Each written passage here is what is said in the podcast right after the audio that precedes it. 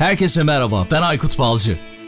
Teknoloji, iş dünyası ve dijitalde trendleri konuştuğumuz Dünya Trendleri Podcast serisinin yeni bölümüne hepiniz hoş geldiniz. Herkese merhaba. Yoğun trafikte ilerleyenler, sporda ya da yürüyüşte olanlar, belki mutfakta yemek yaparken, belki de iş yerinde çalışırken nerede karşıladım sizleri bilmiyorum ama böyle bir radyo anonsu yaparak başlamak istedim. Böyle bir açılış yapmak istedim. Neden olduğunu birazdan anlatacağım.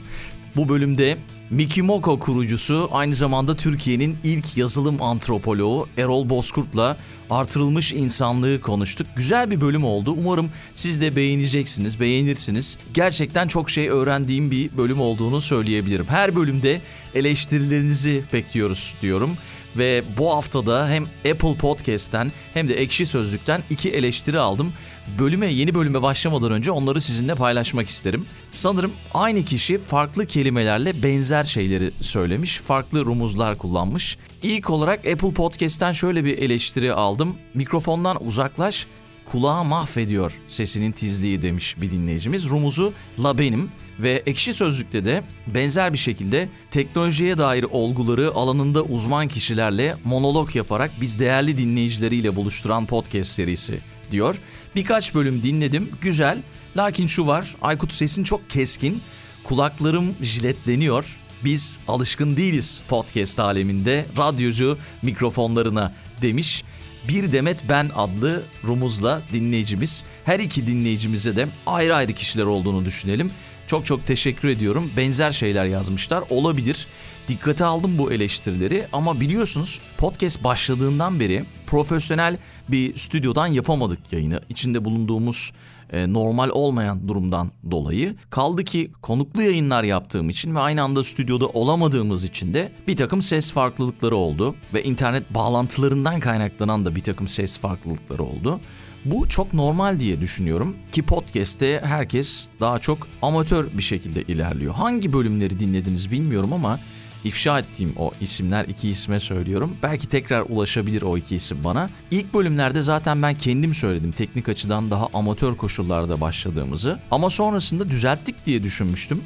Özellikle stüdyoyu geliştirmek adına birkaç ekleme yaptım ve çok daha düzgün olduğunu düşünüyordum ama demek ki hala bir takım problemler var ki zaten yarı profesyonel bir stüdyodan yayınları yapmaya devam ediyorum şu anda. %100 de profesyonel hale getirmek için belki biraz daha ekipman yatırımı yapmam gerekebilir. Onun için de sizlerin desteğini isteyebilirim belki önümüzdeki günlerde ya da sponsorluk yoluna gidebilirim diye düşünüyorum. Şimdilik böyle bir plan yok. Elimden geldiğince ben bu eleştirileri dikkate alıp sesi daha nasıl iyi yapabilirim, daha nasıl düzeltebilirim onu düşüneceğim. Önümüzdeki bölümlerde belki sizlerin de düşüncelerini dikkate alarak ortak bir karar verebiliriz diye düşünüyorum. Bu eleştirileri dikkate aldım. Çok çok teşekkürler. Herkes böyle mi düşünüyor bilmiyorum ama nasıl iyileştirebilirim? Elimden geleni yapacağım. Şimdiden söz vermiş olayım. Fazla uzatmadan şunu söylemek isterim. Uzun yıllardır radyo programı yapıyorum ve tabii ki zaman zaman da bunu söyledim. Podcast'ten farklı olarak biraz radyo programına kayıyor benim programım diye. Ama ikisinin dinamikleri anladığım kadarıyla farklı ki böyle bir istek var, bu yönde bir istek var. E, daha profesyonel olmamak gerekiyor anladığım kadarıyla biraz daha amatör olmak gerekiyor belki de. Ama şöyle ben zaten her zaman yaptığım podcastlerde amatör bir ruhla ama profesyonelce yaklaşmaya çalışıyorum yayınlara. O amatör ruhun heyecanını her programda, her podcast bölümünde yaşamaya çalışıyorum. Umarım size de bunu yansıtabiliyorumdur. Böyle olduğunu düşünüyorum. Bakalım sizler ne düşünüyorsunuz? Bu hafta nasıl yorumlar gelecek? Ekşi Sözlük, Apple Podcast, Twitter, Instagram, LinkedIn'den ya da işte mail adresimizden hepiniz yorumlarınızla katkıda bulunabilirsiniz. Peki bu kadar ön konuşma yeter. O zaman hazırsanız 46. bölüme başlıyoruz. Türkiye'nin ilk bilişim antropoloğu Erol Bozkurt'u konuk ediyorum ve şu anda karşımda çok merak ettiğim bir konuyu konuşacağız. Sanırım Zonguldak'ta ben de her zaman olduğu gibi Almanya'dayım. Erol Bey Almanya'dan selamlar. Nasılsınız? İyiyim selamlar. Zonguldak'tasınız sanırım şu anda. Birkaç gün önce geldim evet. Süper. Bu bölümde gerçekten benim çok merak ettiğim bir konuyu konuşacağız. Ve tabii ki ben sizi bu arada doğru mu anons ettim? Türkiye'nin ilk bilişim antropoloğu dedim ama İnsanın kendine koyduğu e, bir ünvan gibi düşünülebilir. Aslında Gerald Weinberg diye birisi var. Herhalde bir 20-30 yıl daha yaşlıdır benden. Dünyada ilki belki odur. Programcılığın Psikolojisi diye bir kitap var. Hala birinci baskısı satıyor. Harika. Bu arada sizin de bir kitabınız var tabii ki. Ondan evet. da bahsedeceğiz. Aynı zamanda bir girişimcisiniz ve Mikimoko adlı bir evet. girişiminiz de var. Öncesinde konumuza bugün artırılmış insanlık nedir diye bir başlık koyduk. Onu konuşacağız ama isterseniz önce biraz sizi tanıyalım. Neler yapıyorsunuz şu anda, neler yaptınız? Kariyerinizi merak edenler olabilir. Sonra da belki Mikimoko'dan bahsederek asıl konumuza girmiş oluruz. Olur. Bilgisayar mühendisiyim. Herhalde bir 25 küsür sene geçti. Tipik bilgisayar mühendisinden e, farkı ne derseniz antropoloji merakı aslında bir tanesi. Antropoloji merakında durup dururken ortaya çıkmış bir şey değil. Çalıştığımız e, yazılım projelerinin ne derler odakta olduğu iş yerlerinde antropolog ihtiyacı aslında önemli bir şey. Hı hı. Psikolog ihtiyacı da var. Belki psikiyatrist ihtiyacı da olabilir. Çünkü insanların ilişkileri nasıl ilerliyorsa o bir şekilde yazılıma aksediyor. Yani araları bozuksa, yönetimin kalitesi mesela kötüyse, müşteriyle düzgün bir ilişkisi yoksa elinize aldığınız yazılımın hataları veya ürün özellikleri bunlardan kaynaklı. Hı. Genellikle bizim meslekte kötü ürün çok kolay çıktığı için ambalajı güzel olabilir de işte gerisinde programcıların bildiği e, pis kokan pek çok alanı olan ürünler bunlar. Bu yüzden de insan merak ediyor. Ne derler? Çöplüğü az kodu nasıl yazabilirim? Bundan sonra müşterinin gerçekten istediği onu memnun edecek gibi. Daha temel, belki felsefi sorular gibi. Yani detaydan ziyade özünde bir bozukluk var sanki. Evet. Hı hı. Biraz benim uzmanlık alanım bu tür şeyler oldu. Peki şey e, Mikimoko'da neler yapıyorsunuz? Ha, Mikimoka bizim şirketin ismi. Aslında şirketten önce de bir projemiz vardı. Oradaki uygulamanın adı Mikimoka. Mikimoka ürününden biraz bahsedeyim. Şirketi anlamak daha kolay olur herhalde Hı-hı. o zaman. Mikimoka birkaç enteresanla sahip bir uygulama, mobil bir uygulama.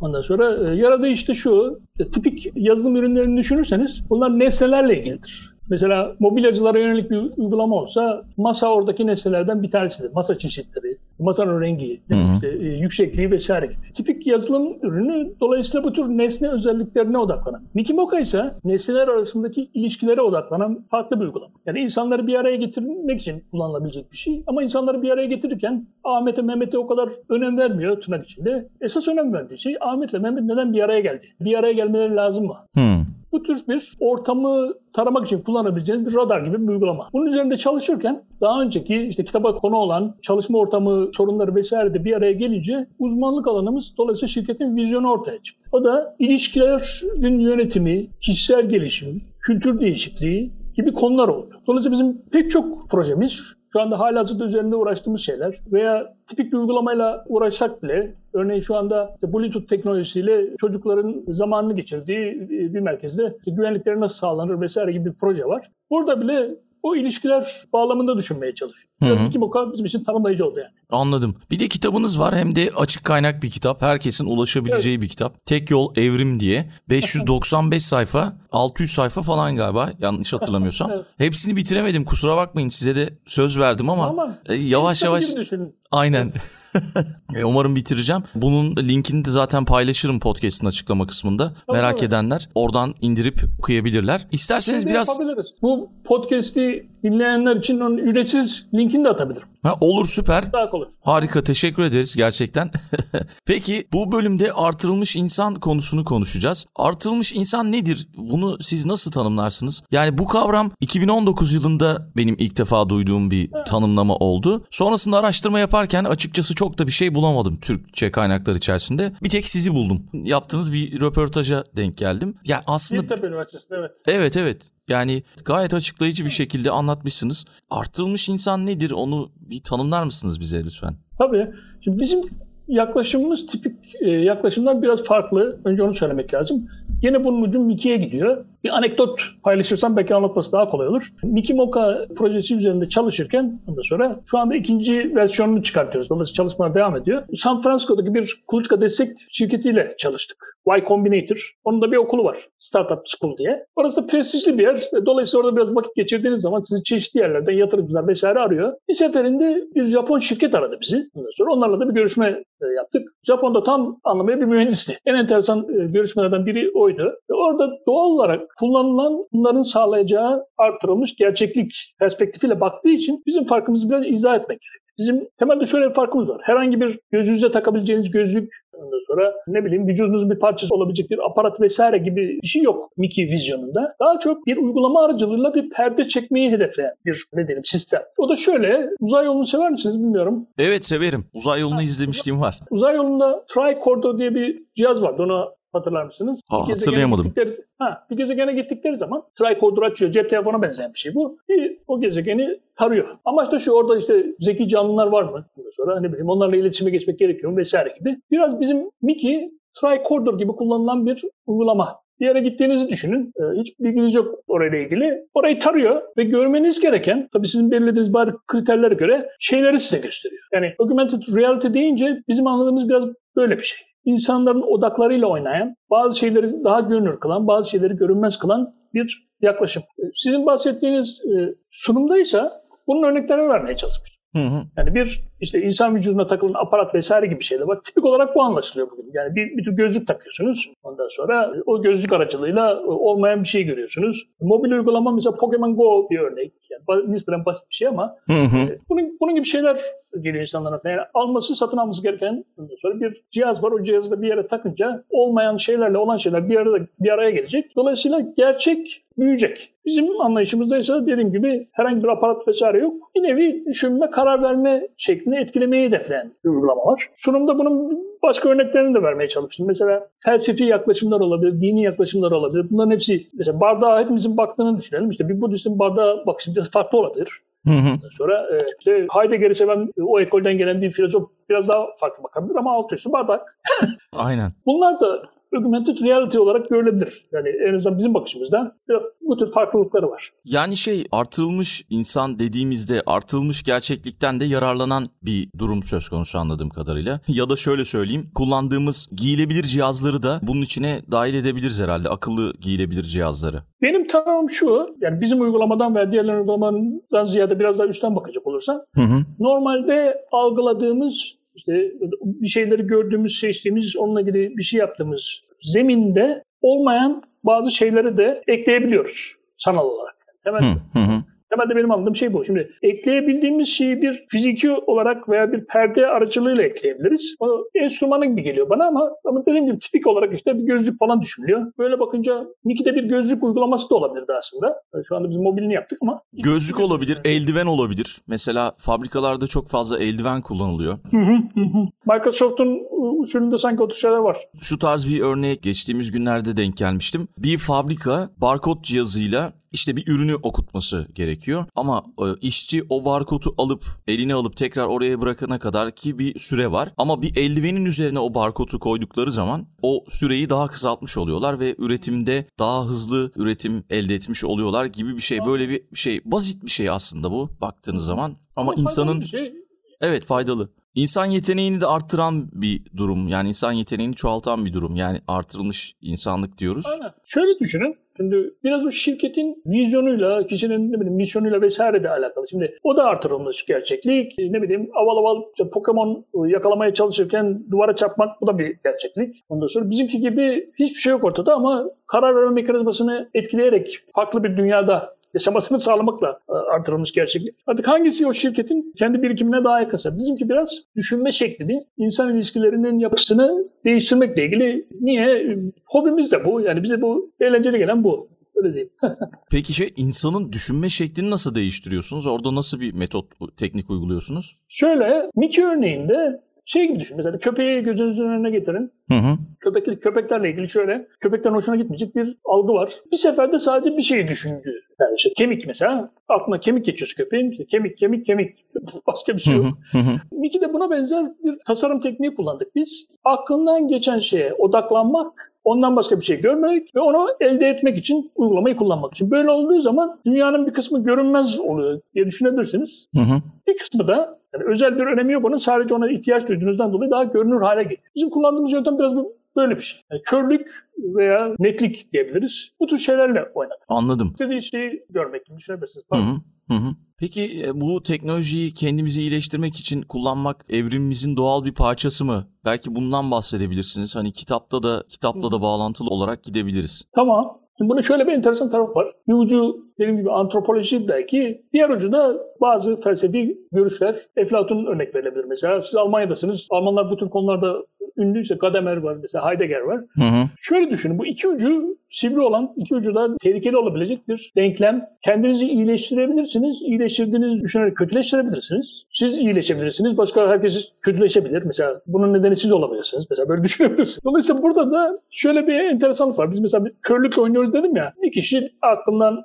armut geçti mesela. Armut odaklandı, armut aldı. Sonra ondan sonra elma geçti. Elmada odaklandı, elmayı aldı. Kötü versiyonu bunun o zaman bencil, basit, pratik hedeflerden ibaret bir hayat. Değil mi? Derinliği olmayan. İyi tarafı ne? Armut, elma peşinde koşmak için kullanmak zorunda değilim mi ki ben? Daha iyi ilişkiler kurabileceğim, enteresan kişileri bulabilirim. Beraber bir şey yapabiliriz. Hı hı. Dolayısıyla biraz kişiye kalmış. Hani şey derler ya parayla iman kimde olur belli olmaz. Akıl da öyle bir şey. Ne bileyim gerçek de öyle bir şey. Tek başına da biraz zor bu. Niki'yi kullanırken ortaya çıkan topluluk neye benziyor? Hangi topluluğun parçasısınız? Düşünebilirsiniz. Anladım. Peki biraz da şeyden bahsedelim. Ee, insan yeteneğinin geleceğinden ne beklemeliyiz? Yani bunu nasıl görüyorsunuz? Nasıl bir gelecek bekliyor bizi? Bu konuda teknolojileri de takip ediyorsunuz anladığım kadarıyla. Tabii tabii sadece teknoloji de değil aslında.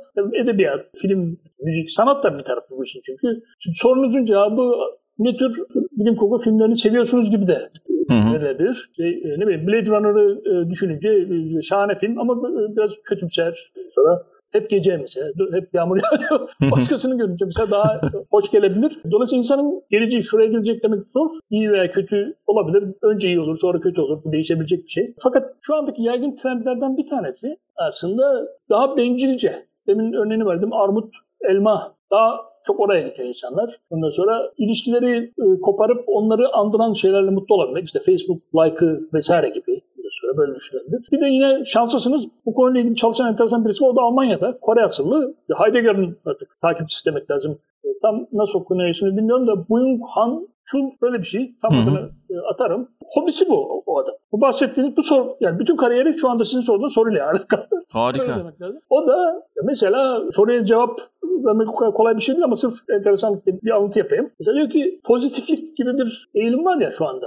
Hı hı. Biraz kuşaklarla da ilgili bu. Mesela bir şey kötü yapınca çocuk işte şahane olmamış falan gibi bu mesela normal bir cevap olmaya başladı. Mesela kötü olmuş demeyi seçmeyince mesela dememeye çalışınca bunun ne kadar kötü etkisi olabileceğiyle ilgili bir kitap var. Çünkü her şey pozitif olunca o aslında biraz da böyle bir gaddarca bir ekosisteme dönüyor. Hı hı. Yani biraz gelecek aslında bunlarla alakalı. Yani Facebook, ne bileyim LinkedIn, ondan sonra işte Twitter vesaire mi dünyamız. Niki biraz böyle de oldu. Yani Niki de benim aklımdan geçen şey Niki'yi kullansın insanlar. Ya olabildiğince bencil olacak ondan sonra veya tam aksine yeni topluluk kuracak. Sonra o topluluğun evrilmesini sağlayacak. Biraz bununla ilgili bir deneydi. Bir enteresanlık o. İstanbul'da ufak bir alanda denemesini yaptık. Bir de çalıştığı orada. En azından tezimizi ispatladı. Tahmin ediyorum bir yıl kadar sonra eksiksiz versiyon çıkar. O zaman birlikte görürüz. Harika. Yani insan yeteneğinin geleceğinden ne beklemeliyiz sorusunu sorduğumda belki benim de bir bakış açım farklı oldu. Aynen. Ben şöyle düşündüm. Daha çok biz hep böyle teknolojik açıdan düşünüyoruz. Ama siz farklı bir açıdan da yaklaştınız. Yani insan geleceğinde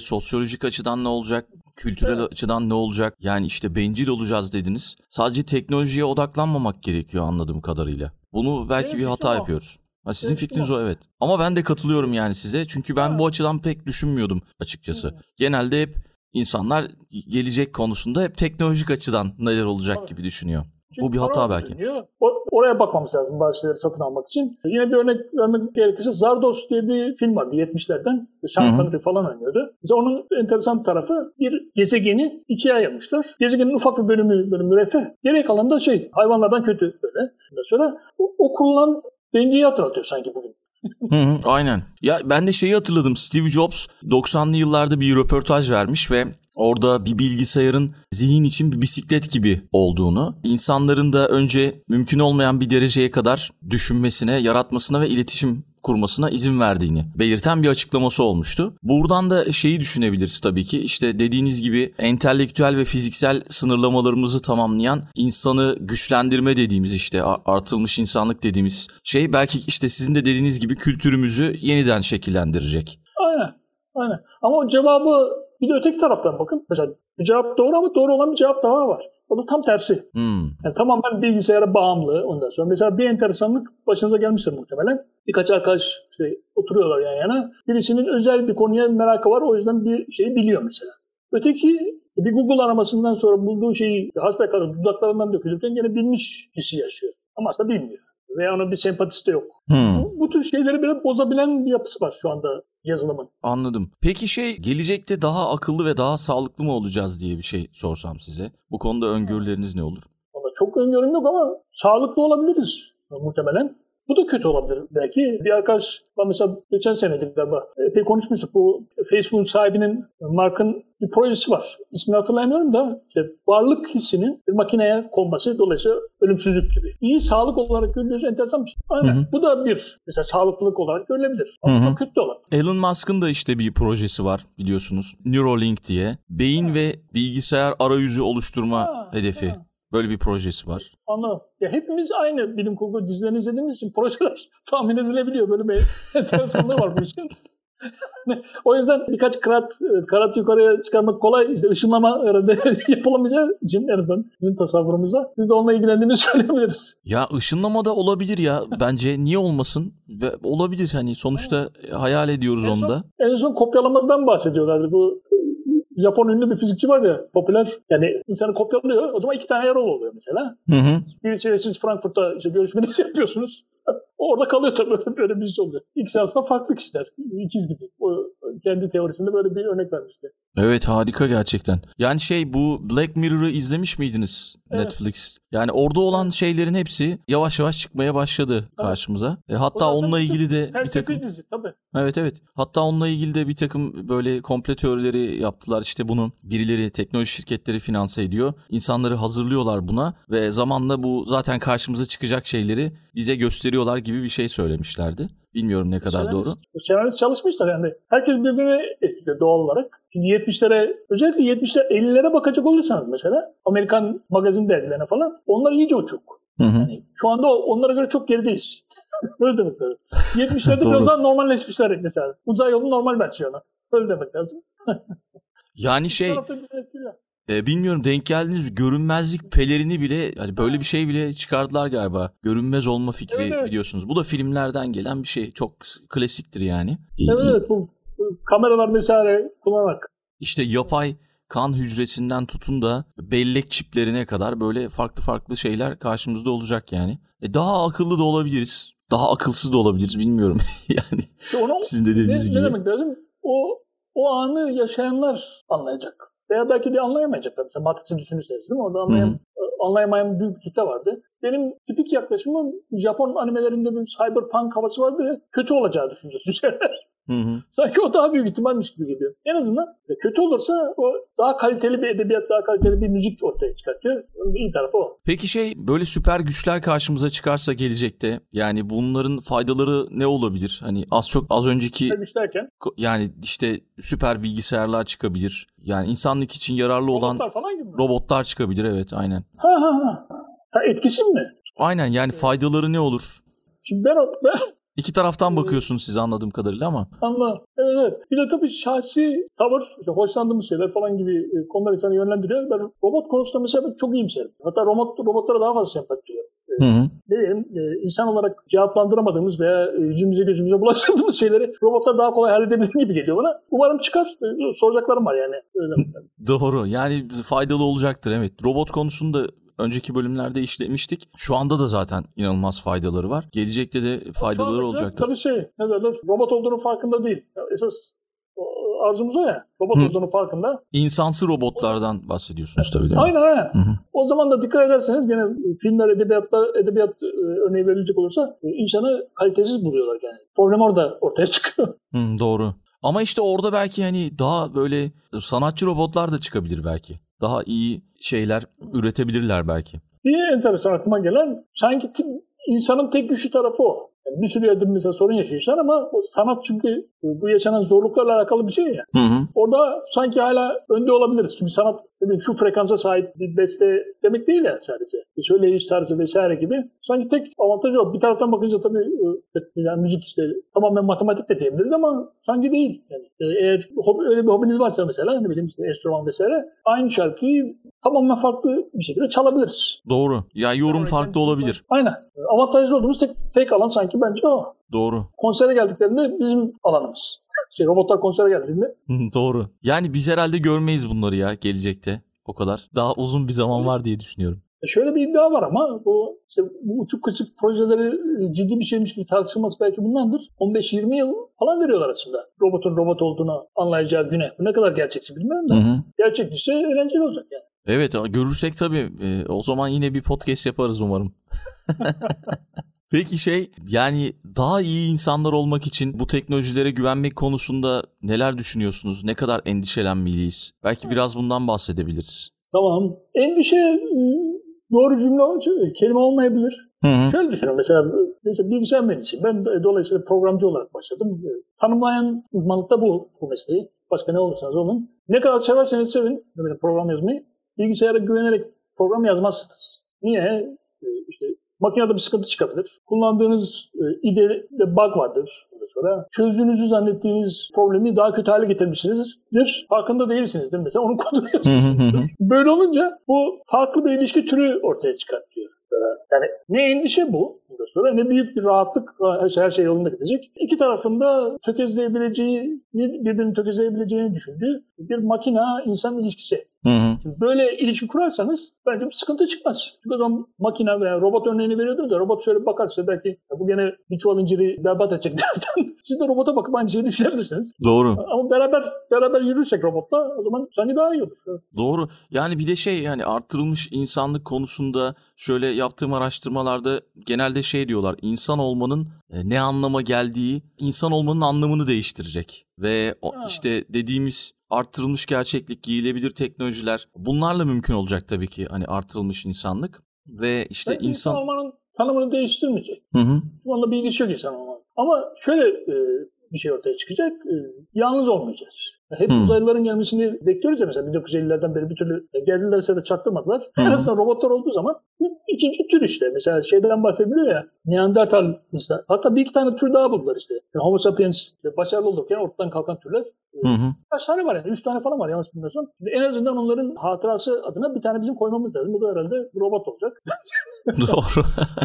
yani işte yarı robot yarı insanlar da çıkabilir. İşte tıp ve teknoloji yoluyla insan yetenekleri de gelişebilir. Yani artılmış insanlık bu yönde de çalışmalar yapabilir. Ama Evet. şöyle düşünün bunu. Şimdi hani şöyle bir ve şöyle bir örnek vereyim. George Friedman diye enteresan birisi var. Ekonomist yanlış bilmiyorsam ama daha çok böyle işte siyasi, jeopolitik analiz vesaire yapıyor. Hı hı. Ondan sonra onun da bir sunum, sunum vardı Macaristan'da. Orada da cep telefonu örneğini veriyordu. Bir tane iPhone örnek olarak gösterip oradaki kritik teknolojilerin hepsinin hangi askeri projeden geldiğini anlatıyor. Hı hı. Yani dolayısıyla ileriye gideceğimizi düşündüğümüz teknoloji ilk orada kendini gösteriyor. Hı hı. İlk orada kendini göstererek derken de büyük para civarında kendini gösterecek. O zaman onların arzuları neyse. Yani böyle, böyle bir enteresanlık ortaya çıkıyor. Hı hı. Şey geldi aklıma az önce Matrix'ten bahsettiniz ya mermileri durdurabilecek miyiz acaba?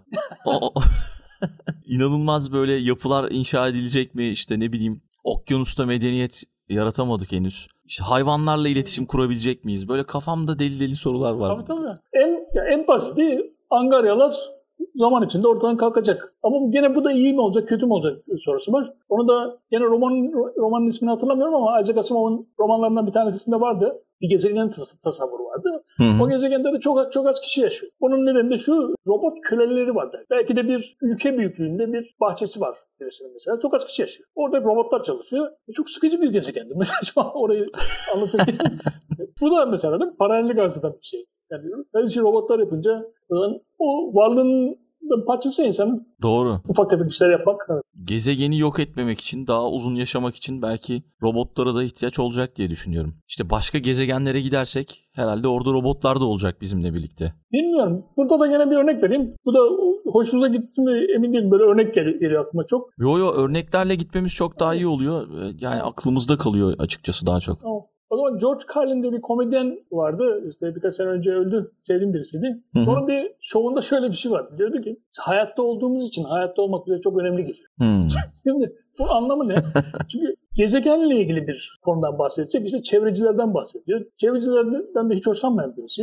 E diyor ki bu kendini insan nasıl bu kadar beğenebilir? Sen orada işte plastik şişeyi dışarıya atmayacaksın da gezegeni kurtarmış olacaksın. Hı hı. İşte sen kimsin diyor. Gezegen milyarlarca yıldan beri burada ondan sonra sen üstündeki küre bile değilsin. E, Yani biz hep kendi perspektifimizle değerlendiriyoruz ya. Belki de bu türün de bir e, başlangıcı sonu var. E, Bu hep bize, bize bitmeyecekmiş gibi geliyor. Öteki gezegene gideceğiz, sonraki gezegene gideceğiz. Böyle ilgili hikaye bu kadar. Yani Robotlu veya robotsuz belki bunu anlatacağız bilmiyorum. Hı hı, anladım. Peki o zaman şeyden bahsedebiliriz. E, artılmış insanlar ayrımcılığa uğrayacaklar mı? Bu konuda Ha, bir X-Men düşünceniz var mı? Evet X-Men gibi ya da bu gerçeğe çağrı vardı Arnold Schwarzenegger'in. Orada da böyle Ha. işte yarı insan yarı robo- robot işte güçleri artırılmış insanlar vardı. Onlar böyle Evet. ayrımcılığa uğrayacaklar mı acaba? E, Tersten düşünün. Şöyle bir soru aslında. Bu özel e, niteliği olan insanlar ayrımcılığa uğrayacak mı? E, günümüzde de uğruyorlar. Ya meşhur oluyorlar. Sesi güzel. Ya şarkıcı oluyor. Hı hı, hı hı. Şarkıcı olamazsa başka bir şeyle uğraşıyor. Mesela uydurun bakkal oluyor. Sesinin güzelliğinden dolayı eğlence konusu da olabilir. Veya ne bileyim arkadaş çevresinde şarkı söyleyebilir mesela. Dolayısıyla o yaygın olmayan özelliğe sahip, özelliklere sahip insanlar her zaman biraz da farklı bir konumda oluyor. E, Bunu biz suni yollarla sağlarsak gene aynı şey olacak bence. Basit örnekleri var aslında. Mesela şey gibi düşünün. E, Tekerlekli sandalyeyle yürüyebilen engelli. O da bir yani normalde yürüyemeyeceği bir yerde yürüyor. Bir fark Doğru. mesela, gidemeyeceği bir yerde. E o adam bizden akıllıysa mesela gittiği yerde bir fark yaratıyor zaten. Öbür türlü gidemeyecek. Evde oturacak. Doğru haklısınız. Evet, bunu düşünebilir. Ama Ya- tersi belki, belki şöyle bir enteresanlık var. E, parayı bastırıp bu tür özellikleri vücuduna monte edenler olacak. Onların da vizyonu, aklı, adabı belki kafi gelmeyecek. Farklı problemler ortaya çıkacak yani. Şey gibi düşünün mesela e, e, 5-6 yaşında yani 7-8 yaşında olduğumuzu düşünün. Sizle karşılaştık, başkaları da var. Basket sahası en kabiliyetsizimiz diyelim benim, bende de basket topu var. Hı hı. Hikayeyi ben belirleyeceğim ya. Bunun gibi bir şey. Doğru. Yani e, şimdi e, benim anladığım kadarıyla hem yararları olacak gelecekte artırılmış insanlık konusunun. Yanılıyorsam söyleyin hem de bir takım işte zararları da olacak. Ama Benim intikamım o. hı hı. Ama biraz artık insanlar daha kolay yönlendirilebiliyor ya. Bu Kore asıllı e, Alman filozofu o yüzden önemli. Onun tasavvurunda zaten o eşik geçilmiş. Bu kötüye gidecek. Hı hı. E, ama kötüye gittikten sonra da o e, bir şekilde yani beton dökülmüş yerde çimenler çıkıyor ya. Oradan da biraz daha akıllanmış insanlar mı çıkacak artık? Yani tamamen tamir edilmez derecede kötüye gitmesi düşük bir ihtimal. Ama şu anda sanki inişteyiz. Yani o oradaki yorum da o. Bana e, mantıklı gelen de o. Çünkü aksi delil çok fazla yok. Hı hı. Aksi delil çok fazla yok. O zaman kitabınız hakkında konuşalım biraz. Yavaş yavaş sona geldik. Tamam. Kitaptan bahsedebilir miyiz biraz? Tabii özel sormak istediğiniz bir şey varsa belki daha eğlenceli bir cevap veririm. Ee, yo özel yok yani e, neden yazdınız kitabı? Bir de çok fazla çok sayfa yazmışsınız. Değişik de tabii e- eğlenceli de bir kitap. Daha akılda kalması için böyle şey de kullanmışsınız. Resimler falan da kullanmışsınız. Ha, evet, evet. Normalde aslında o zaman şöyle bir örnek vereyim. Normalde bunun üç katı aslında kitap. Fakat Oo. Arkadaşlardan bir tanesi dedi ki ya dedi Erol abi bunu öyle satarsan bu hem e, bir tür silah olarak kullanılabilir. Birinin e, kafasına falan atmak için bile kimse okumaz. Üçe böldük. Üçe, üçe bölünce bile uzun oldu. Kitabın esprisi dediğim gibi yazılım projelerinin merkezindeki kişiler, işte civarındaki müşteriler vesaire o topluluğa bakınca orası garip bir yer. Hı hı. E, Şirketin mutlaka yazılım şirketi olması gerekmiyor. Mesela bankada olabilir. Mesela İş Bankası'nda 2000 ila 3000 arasında bu alanda çalışan kişi var. Az bir şey değil.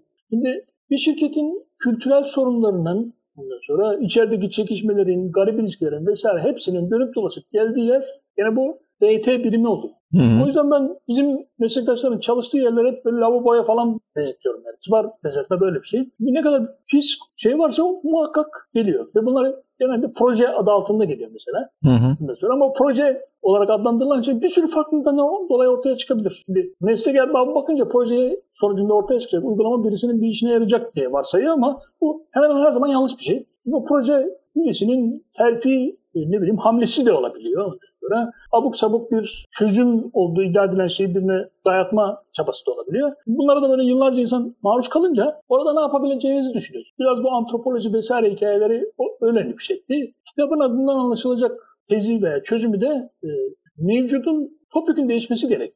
Yani yaşama Hı hı. şeklinin hatalı olduğu, ilişki şeklinin hatalı olduğu, mesela hiyerarşik ondan sonra e, e, yapı çok yaygın. Bir diğeri gidilecek yer hakkında kimsenin fikri yok ama sanki bir bildiğimiz bir şey varmış gibi teferruatlı planlar vesaire yapılıyor. Hmm. Yola çıktık. Nereye gideceğimiz hakkında hiçbir fikrimiz yok. Fikrimiz olmasa imkan yok. Bazı şeyleri yapıp görülen bir şey bu. Fakat çılgınlar gibi diyoruz ki şurada köfte yiyelim, e, ne bileyim şurada işte denize girelim falan. Fakat deniz yok orada. E, Ne bileyim köfteci de yok. Kitap buradan ortaya çıktı yani. Anladım. Evrim derken aynaya bakıp profesyonel olarak nasıl yaşadığımızı anlayıp onu değiştirmenin çözüm olduğu iddiası. Civarına bakacak olursanız zaten işte edebiyat, felsefe vesaire elimden geldiğince örnek de vermeye çalıştım. Benzer konularda çalışan çok kişi var çünkü. Bir de şöyle bir enteresanlığı vardı. Son cümlesi o olabilir. Bu tür kitap pek yok. Yani mesela mesleki kitap deyince genellikle daha teknik. Hı, daha teknik olduğu konular. zaman da, aynen teknik olduğu zaman da genelde popüler bir şey. Mesela şu anda işte IoT popüler.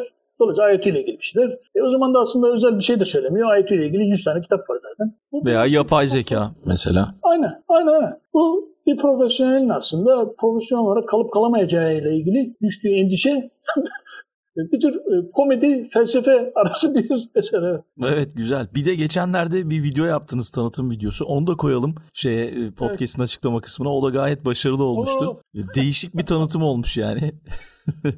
O, Ee, Onun ciddi versiyonunu yapacaktık aslında. Bir yerde tuttuk. Hatta e, İTÜ'de olacaktı seminer. Fakat sonra baktık ki ya pandemi vesaire e, biraz sıkıntılı olacak. Birisi gelip de orada şimdi ne kadar koronavirüs kaparsa se- seminerde nahoş olur diye. E, o zaman da videoyu yapmanın birkaç yolu vardı. İşte dediğim gibi bizim ortaklardan bir tanesinin hobisi sizinle benzer. Ya birinde ben bir şeyler anlatacaktım. Düşündüm ki gayet sıkıcı olur. O zaman da eskiden beri konuştuğumuz ne diyelim yazılımcılar parodisini yapalım dedik. hı hı. ve muhakkak sizin başınıza da bu tür programlar yaparken gelmişti. Bazıları yolda ortaya çıktı. Mesela bir profesör doktor Miki var orada. Bir sözde profesör doktor Miki var. Onun ortaya çıkma nedeni şu. Normalde profesör doktor Miki benim. Fakat arkadaşın konuşmasını ben daha çok beğendim. Dedim ki sen e, ciddi kısımları sen oku. O zaman da biraz senaryoyu değiştirdik. Gayet güzel olmuş bence. Kitapta şöyle bir e, söz var. Başarı imkansızı deneyip görkemli bir şekilde kaybetmektir demişsiniz. Evet, Şey kitabın özeti de bu galiba anladığım kadarıyla. Aynen. Aynen. Başında. Bir şey, aynen. Bir şey getirebilirsiniz. Samuray felsefesi gibi bir şey bu. Hı hı. Yani herkes Doğru. ölmüş. e, O da ölecek. Ama mutlu. Doğru. Peki Erol Bey çok teşekkür ederim ben vakit ayırdığınız için, e, katıldığınız için Dünya Trendleri Podcast'te. Eminim bizi dinleyenler de çok şey öğrenmiştir. Kendi adıma gayet güzel bilgiler aldım sizden. Sağ olun. İletişim bilgilerinizi de koyarım zaten podcast'te. Oradan herkes size ulaşıp sormak istediklerini sorabilirler. Ee, Tabii tabii. Ben de linkler atarım size. Ama sağ olun. İş dünyasındaki ve toplumdaki değişimleri tespit etmek, belki biraz antenlerimizi, gözlerimizi ve zihinlerimizi açmak için yeni bölümde yeni bir konukla yeniden burada olacağız. Unutmayın, görünmezliğin perdesini birlikte aralayacağız. Dünya Trendleri Podcast serisinin bu bölümünün sonuna geldik. www.dünyatrendleri.com Twitter'da @dünyatrendleri, Instagram'da dünya.trendleri adreslerinden Dünya Trendleri Podcast'i takip edebilirsiniz. Unutmayın, önerileriniz ve merak ettikleriniz içinse info.dünyatrendleri@gmail.com adresinden mail atabilirsiniz. Bu bölümü dinlediğiniz için çok teşekkürler. Yeni bölümde tekrar buluşmak üzere.